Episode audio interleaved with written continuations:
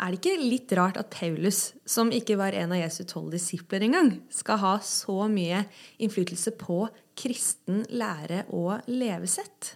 Det er det vi skal se nærmere på i denne episoden.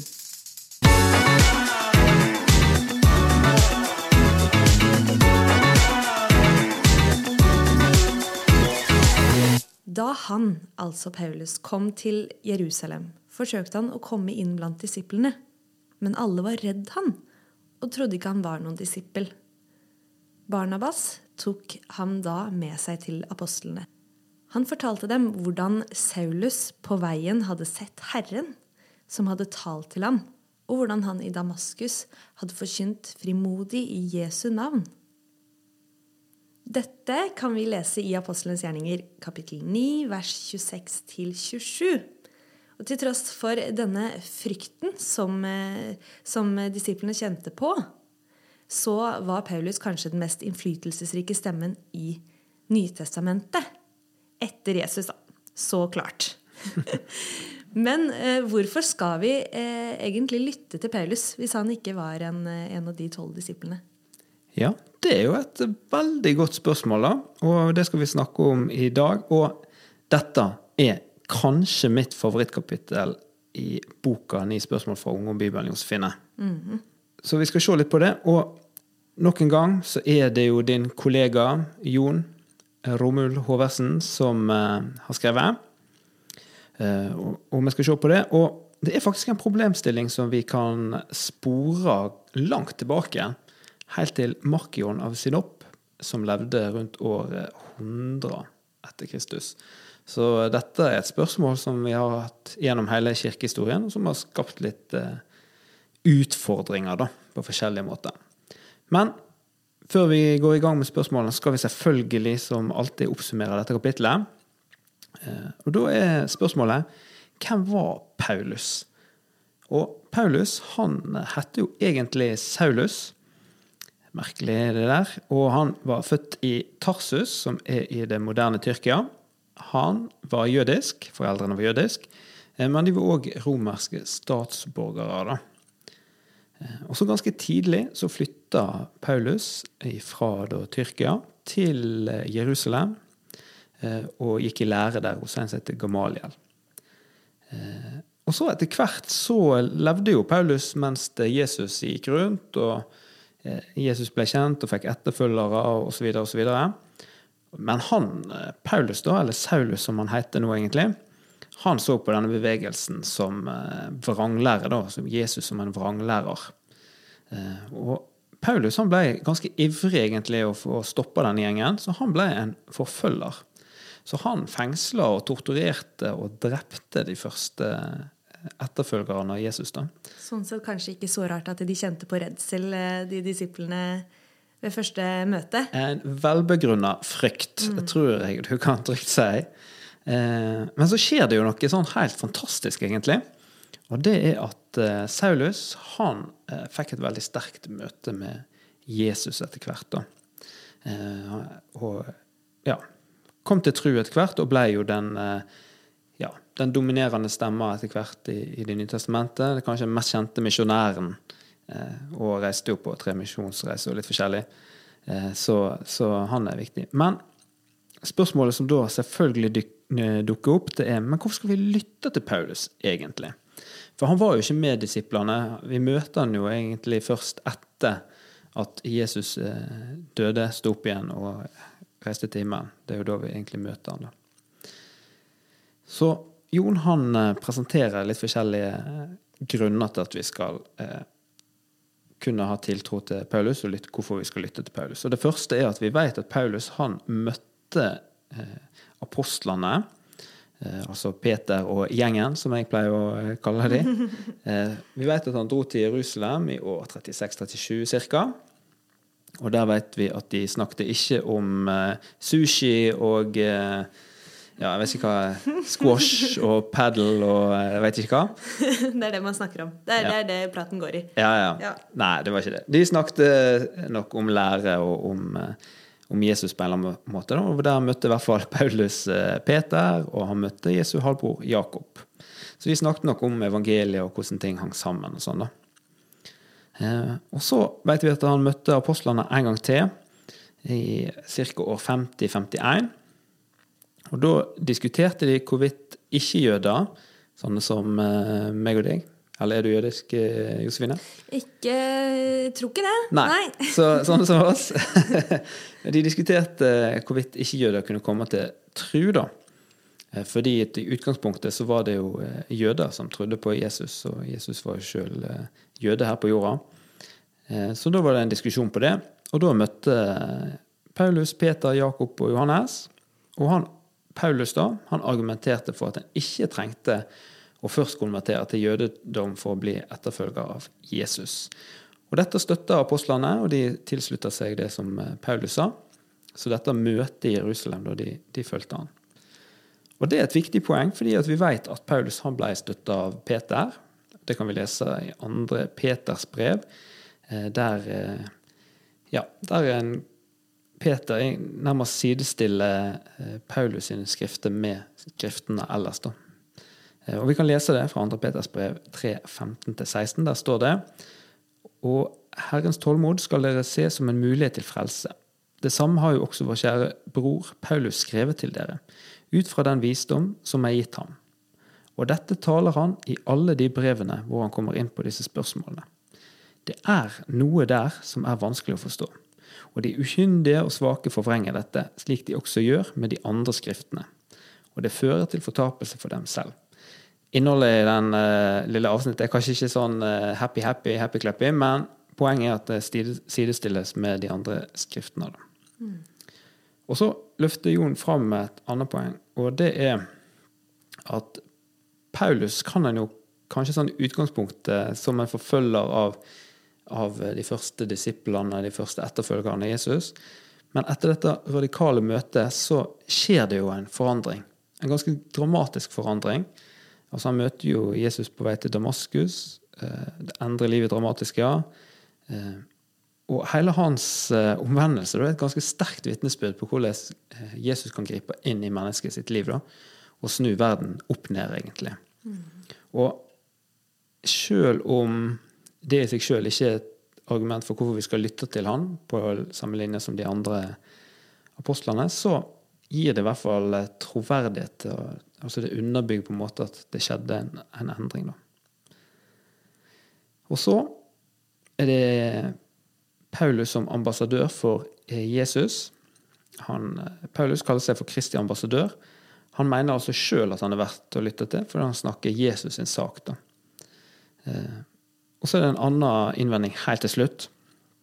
Eller et sånt spørsmål på hvorfor skal vi egentlig lytte til, til Paulus. Er ikke, er, ikke, er ikke, Paulus uenig med Jesus, egentlig? Er det en helt og en antihelt? De, ja, er de forskjellige, da? Både i måten de er på og sånn. Og jeg vet ikke med deg, Josefine, men jeg har i hvert fall opplevd at folk framstiller Paulus som liksom denne sinte, eh, formanende, litt sånn der eh, Ja, mørkemannen, da. Mm. Den eh, premoderne mørkemannen, eh, som er veldig krass. Eh, mens Jesus er mer den her body Jesus, som bare vil godt, og som bare ønsker folk godt og sånt. da. Mm. Denne, sånn framstilles de kanskje av og til. men hvis en går inn i Bibelen og ser, så ser en at Jesus han var både mild, men òg svært streng. Eh, og på samme måte var Paulus mild, men òg vise omsorg, inkludere folk osv. Eh, men kan òg tidvis være veldig hard. Så han har liksom både den milde og den harde sida. Så det er egentlig ikke så mye forskjell verken på måten de er på, eller på eh, ja, budskapet er det i hvert fall ikke noen forskjell på. Mm. Så det er sånn kort Litt kort oppsummert det kapitlet, da. Men spørsmålet er, Josefine, mener du at jeg skal lytte til Paulus? Ja. Oi, det var fort. ja, jeg mener det. Eh, jeg mener at man skal lytte til Paulus. Eh, og selv har jeg tatt stilling til om jeg tror at Guds ord, Bibelen, faktisk er Guds ord. Og, og tatt et valg på det at ja, det tror jeg. Du nevnte det tidligere, at, eh, at når, man, når, man, har en, en tillit Det her var litt mer forrige, forrige episode. Hvis du ikke har hørt den, hør den. hvis, du har, hvis, du har, tillit til det, så er det et punkt hvor du er på en måte Du er eh, i et eh, troskap med det, da, på en måte. Man tar, jeg har tatt stilling til at jeg ønsker å tro på Bibelen. Og det, det innebærer også Romerbrevet, første og andre Korinterbrev, Galaterne, brevet til Galaterne, Efeserne og alle disse her som, som Paulus har skrevet. Så ja.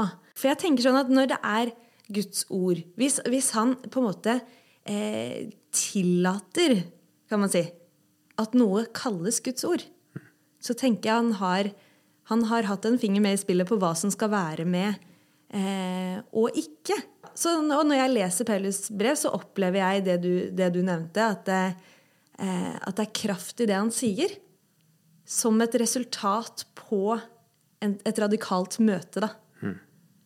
Han, han, oppførte seg på en, på en, helt annen måte enn før, før dette møtet. Og det syns jeg gjør det veldig spennende å lese det han har å si. Mm. For da har han erfart Gud veldig, veldig sterkt. Mm. Hvilke karaktertrekk er det du ser hos, eh, hos Paulus? Ja, det Jeg må jo innrømme at jeg er en av disse som eh, som kanskje har falt litt i den grøfta at jeg har sett på Paulus som hard og streng og litt sånn Det kan ha noe med at jeg er oppvokst eh, Jeg er oppvokst egentlig både i pinsemenighet, kirka og bedehuset. Eh, og på en måte Paulus har vært litt den her strenge bedehusmannen. eller sånn, Han er blitt framstilt veldig sånn formanende og, og streng. Det er i hvert fall det jeg sitter igjen med. Men jo mer jeg leser i Bibelen, da, så ser jeg mer og mer som han som en sånn ivrig, omsorgsfull type da, som virkelig står på med, med, hele sitt liv, legger ned hele sitt liv eh, pga. noe som Jesus har gjort. da, At Jesus han har grepet inn i livet til Paulus og blitt den viktigste eh, i livet hans. da. Han blei eh, ja, Han oppdaget Messias. da, Paulus oppdaget Messias, Jesus, og så vil han bare Dette her må alle få med seg. Ikke bare det jødiske folk, men dette må alle få med seg. Og så går han ut i, i hele Middelhavet, i alle fall. Så, så, jeg ser nok han mer og mer som en sånn misjonær, og kanskje også mer og mer som en bistandsarbeider. At han liksom Han har omsorg for folk, da. Mm. Eh, og så eh, ser jeg jo òg at jeg ser jo òg at han må ha vært veldig intelligent. Da. Jeg merker at han har lært masse. På måten han skriver på, så er det, det er som å lese hva som helst annet i den samme perioden av tekster. Da. Så det er jo kanskje litt sånn der eh, Ja, litt sånn fromt språk, da. Eh, måten en sier ting på. Men hvis en liksom graver litt i innholdet, så ser en at her her er det noe, da. Her er det ja, en lidenskap og et hjerte og et tro da, som, som jeg kan la meg inspirere av og, og følge. Da. Jeg vet ikke, Josefine, hva tenker du? Hva, hva lærer historien om Paulus eh, også om Gud? En hel del, ja. vil jeg si. Det er sant. altså, jeg kan jo starte med, med Romerne 8, som er eh, et kjent og kjært kapittel for eh, mange. Mm. Her leser vi bl.a. om at vi er Guds barn, altså at Gud har en, har en farsrolle. Og det er, det, er, det er en rik rolle. Og det er en veldig vakker rolle som jeg setter veldig pris på. Når jeg, når jeg ber, så kan jeg ofte si 'pappa'. Mm. Eh, så det elsker jeg, at eh, Gud blir framstilt som en, en, far. Og så avsluttes dette kapitlet med at eh, det er ingen verdens ting, og ingen andre ting heller, som kan skille oss fra Guds kjærlighet. Evangeliet right there. Rått. Rått, rett og slett. Og I første Korinterbrev så leser vi om at vi er Guds tempel. Det betyr at han er, han er nær, og han er her, for han bor i oss. Og det er mye spennende med tempelsymbolikken som, eh, som Paulus påpeker, og som blir påpekt tidligere i Skriften også. Men det er også noe jeg setter pris på med, eh, med det Paulus skriver om Gud. Og Senere ser vi at Paulus skriver om Den hellige ånd og nådegavene, og hvordan Gud går frem her på jorda i vår tid og hvordan vi som menighet er Kristi kropp. Hvordan vi er Guds, Guds hender og føtter her på jorda. Eh, og I Galaterne så leser vi om åndens frukter. Og det toucha vi så vidt inn på i første episode. Ja, Husker du igjen, da? Ja. Ja, ja, ja. Kjærlighet, glede og fred, overbærenhet eh, eh, eh, Ah, det var close, da. Jeg har um, vennlighet, uh, godhet, tålmodighet, ydmykhet og selvbeherskelse. Yes! Du kan også høre meg si det på en mye smoothere måte hvis du hører første episode av podkastene våre. Ja, nå imponerte du. Ja, takk og takk og takk. Og de, de fruktene, det er resultat av en levende relasjon med Gud. Så ja, jeg eh, ønsker å, å, lytte til det Paulus har å si, og syns han kommer med masse knakende bra greier. Om, og, det fyller ut eh, bildet jeg har av eh, Gud. Så jeg, jeg, kunne nevnt mange flere eksempler. Ehm, men vi er jo en forholdsvis kort podkast, så det, det, skal jeg ikke gjøre. Men ja, altså, altså Jeg kunne komme med mange flere eksempler på hva, Gud, nei, hva Paulus sier om hvem, hvem, Gud er. Hva denne mannen som ble totalt forvandla av et møte med Gud, har å, å, si om Gud. Men vi har jo også noen, noen eh, gudsopplevelser. Mm. Og hva har du uh, opplevd at Gud har uh, gjort i ditt liv? Eller hvordan har han grepet uh, inn i ditt liv? Mm. Ja, nå nå blir det personlig men eh, det er jo bra. Mm. Nei, jeg, eh, jeg, satt og tenkte litt på Jeg delte jo litt tidligere om et sånt panikkanfall jeg hadde eh, der jeg opplevde at Gud grep inn. Men min sånn største trosopplevelse den har et litt sånn dramatisk ramme om seg. da, Der jeg var i motorsykkelulykka. Og rett før den motorsykkelulykka så hadde jeg bedt det som jeg trodde skulle bli min siste bønn. da. Der hadde jeg bedt om at eller jeg kjente at jeg, jeg greide ikke å, dette å være kristen. da, Jeg skjønte ikke helt greia. Jeg så ikke at Gud gjorde noe forskjell i mitt liv.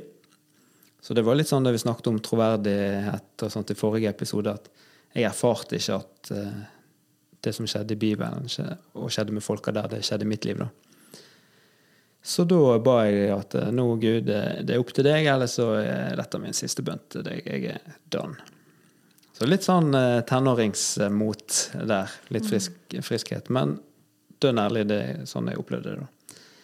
Og så eh, var jeg i motorsykkelulykka, og da, etter den, så eh, så var jeg jo på sykehus ganske lenge. Jeg var i koma i, tre og en halv uke, og det var liksom Det var jo egentlig veldig sånn på, på nippet til at jeg døde, da. Mm. Men jeg overlevde. Og litt etter der så våkna jeg jo, jeg kunne ikke snakke fordi jeg hadde sånn rør i halsen. Så jeg måtte være stille, da. Og det er en øvelse for vestlendinger generelt. Å være stille. Det er ikke hver dag. Eh, men det måtte jeg være. Og sakte, men sikkert da, så vokste det liksom fram en sånn setning eh, som sa at Kristoffer, nå har jeg, jeg har skapt deg. Jeg døde og sto opp igjen for deg. og nå er jeg her med deg igjen. Er det ikke på tide at du overgir deg i, i mine hender? da? Kjenner at jeg er ekte. Og da kjente jeg jo, det er på tide. Og, og da, eh, når jeg liksom hadde sagt det for meg sjøl, at jo, det er på tide, så kjente jeg denne freden igjen, da, som, er, som eh, ja, er helt spesielt. At Gud eh, ja, bare ga den, da. Så, så det er nok min opplevelse av Gud. Og det er Ja, en skal ikke liksom eh, Det er ikke noe spesielt på en måte med det, men det var veldig viktig for meg, for det er på en måte det festet jeg har i trua, da, den ene opplevelsen der. Eh, så det, ja, det er min eh, sterkeste opplevelse med Gud. Mm, det var du, selve vendepunktet. Det var vendepunktet. Jeg hadde ikke lagd denne podkasten her hvis det ikke. Tenk så. det. Da hadde ikke du hatt noe å høre på. Du er ikke bare bare du, Josefine. Men har du, har du en opplevelse, eller? Ja, det har jeg. Altså Det er også min, min sterkeste gudsopplevelse, den jeg tenkte å dele nå. Og den fant sted på, på Oase. Mm. Um, der har de et, et, rom som eh, det er lovsang i. Jeg lurer på om det er lovsang eh, nesten hele tiden. Litt usikker på, på, natta når jeg tenker meg om, men det her var vel på kveldstid. Og jeg eh, satt med, med, et par andre innpå der. Og det er lagt ut madrasser, og så kan du gå bort til en krok og, og tegne litt. Eller det er bare sånn Bare å være i Guds nærvær på, på ulike måter, da. Um, og så satt jeg bare på den madrassen der. Jeg lurer på om vi ba for hverandre. Og så plutselig fikk jeg en opplevelse av Eller et sterkt møte av Gud. Da, som det, det kjentes ut som at jeg sto midt i en sterk, sterk eh, vannstrøm. Og det var helt rart. Jeg satt jo bare stille på en madrass, men jeg var plutselig en helt, på en helt annen plass i hodet. Og eh, jeg begynte å le og ble fylt med, med mye greier. Og det jeg veit, var at den opplevelsen var for meg veldig ekstrem, og så var det bare godt. Mm. Det var ikke frykt. Det var, det var, mye, og så var det kjærlighet. Så det var det jeg kjente på i den, i den vannstrømmen. At oi, ja, Gud han lever, og han er kjærlighet. Det ble, det ble ekstremt sterkt for meg. Da var jeg tolv år gammel. Um, ja. Og jeg vet at jeg på et Jeg lurer på om det var på et tidligere tidspunkt hvor jeg snakka med pappa og bare 'Pappa, jeg føler meg ikke som en kristen.' Mm. Så hadde vi en samtale om det. Altså, hva er det å føle seg som kristen, da? Og så kanskje her, den opplevelsen her var et, et, et svar på det seinere. At Gud kan møte oss sånn. Men så er jo det Det, jo, det er eh, engangstilfelle, denne opplevelsen her. At jeg har møtt Gud på den måten. Eh, jeg har møtt Gud på andre måter etterpå. Kanskje måter hvor jeg etterpå skjønte at det var Gud. Det er mange ulike måter å, å, møte Gud på, men jeg er veldig takknemlig for den opplevelsen der. Da. For den var, så, den var så stor. Så den, den alene ja, gjør at jeg ikke kan tro at Gud ikke fins. Mm. Det er veldig sterkt. og Kanskje det er en anbefaling til de som lytter til å prøve å dele litt sånne opplevelser med Gud. For det er jo veldig oppmuntrende. da. Selv om jeg ikke kan kjenne på den sterke følelsen du hadde der, så kjenner jeg jo at det blir rørt. Så det er jo veldig er det fint. En må, en må dele sånne, sånne historier. Mm, og jeg tenker en ting om vitnesbyrd. At Altså Når man snakker om tro, så er det mye man kan diskutere, men et vitnesbyrd, det er ditt. Mm. Det er personlig, og man kan ikke bli fratatt vitnesbyrdet sitt. Mm. Så vitnesbyrd, det, det, er, det, er, viktige greier å dele. Absolutt. Mm. Og apropos å dele, Josefine. Eh, I dette kapitlet så snakker jo eh, Jonas snakker jo litt om at Paulus kaller seg for ambassadør for, for Jesus og for Kristus. Mm. Eh, hva tenker du om det? Hvordan kan det se ut i, i våre liv? Det er jo litt sånn skummelt å tenke på. Føler jeg men... burde hatt et kurs, liksom, for å kalle seg ambassadør. Det er litt heftig. Ja. Eh, men også veldig spennende da, at vi får lov til å være et bilde Kanskje den eneste personen noen får av Eller eh, den eneste som gir et bilde av hvem Jesus er. da. Mm. Jeg møtte ei på studiet som hun hadde aldri møtt en kristen før. Og da kjente jeg på det. Oi, nå er jeg en representant for Jesus her. En viktig representant. ja, soldat. Nå tok vi sånn eh, hånda opp til panna da, for dere som ikke eller speider, ser. Eller. Speider, ja. Ja, ja, ja. ja ikke sant? um, men ja. Guds ånd, den, den, lever jo i meg. Og jeg tror at uh, jeg kan vise litt av hvem Gud er, takket være Gud selv. da. Mm. Fordi som jeg sa tidligere, så er vi hans tempel. Vi som har tatt imot Guds ånd. Der, vi er hans tempel. Så det er ulike ting vi kan eh, si og gjøre hvor folk kan få et direkte bilde av, av eh, hvem Gud er. Det er et eller annet eh, bibelsted hvor det står om det at de skal få se Gud gjennom de, de gjerningene dere gjør. Mm. Det var en, en predikant eh, som jeg hørte på for ikke så veldig lenge siden, som sa det. Han gjorde en, en god gjerning mot eh, et annet menneske, og det mennesket bare bøyde knær og takka Gud direkte. Og det syns jeg var veldig, veldig sterkt og spennende. Så vi er ikke aleine om det å, å, skulle på en måte representere Gud. Gud er også med oss i det. Og det er, det er godt å tenke på. Og så er det verdt å reflektere over hvordan er det jeg ønsker å leve livet mitt. For det er et ansvar å være en eh, ambassadør. Absolutt. Mm. Jeg tenker Vi kan jo være litt konkrete òg. For Fordi at eh, jeg tror faktisk det er ganske mye bare det at folk vet at du er kristen, tror jeg faktisk kan ha masse å si. Jeg husker jo sjøl når jeg var student, at bare ved at folk visste at jeg var kristen, så kom det en del samtaler vi hadde om tru og sånt som ikke hadde kommet hvis det bare var ikke-kristne. Men det var sånn Vi kunne ha studiegrupper, liksom. Og si du, Kristoffer, du som er kristen, dette her har jeg tenkt litt på. Mm. Og så kunne en liksom få en prat om det uten at jeg var Uten at jeg følte meg som en Peter på, og sto på plassen der og bare måkte på. Men eh, ja, jeg tror bare sånn helt praktisk, bare ved å si at en er kristen, så blir en selvfølgelig en ambassadør, men jeg tror også på en positiv måte, da. Mm. Og et rent uh, veldig praktisk et tips er å gå med et korssmykke. Eller sånn, for min egen del så har jeg fått mange spørsmål bare pga. det. Kult. Som har ført til lange samtaler. Så det er jo en veldig enkel ting å, å gjøre, da. Mm. Som ikke direkte betyr at du er kristen. Jeg har sett folk komme med kors og bare 'Er du troende?' Nei. Ja. Men, men jeg har fått mange spørsmål om det, og, og eh, det har innleda til spennende samtaler. Så det er tips. Mm. mm. Så, men nå, vi, nå har vi jo prata en, en, god stund, og samtalen går mot en slutt. Det vi har snakka om i denne episoden, bare for å oppsummere litt, det er at Paulus han ble akseptert av apostlene. Eh, at det ikke er noen forskjell i budskapet til Paulus og Jesus. Og at Paulus sitt liv det vitner om en nådefull Gud som kan forandre og forvandle livene våre. Kult ganske kult. Det er ganske kult. Og så minner vi på at bare hvis du eh, følger med, så gjerne abonner. Gi en liten tilbakemelding eh, til oss på ja, I, hva heter det? Podcast. Apple Podcast heter det. Ja, ja, ja. Jeg er så gammel at det ble iTunes.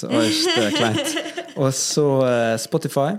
Oh yes. Så uh, snakkes vi vel i neste episode, gjør vi? Altså, jeg, vi, vi snakkes, og jeg håper at du hører på neste episode. Det hadde vi satt veldig pris på. Den kommer ut om dos eh, eh, Husker ikke hva uker er på spansk, men Nei, jeg, jeg gikk rett på året, jeg. Anjos. Anjos, dos anjos. Heldigvis bare to uker. ok, ha det bra. Ciao.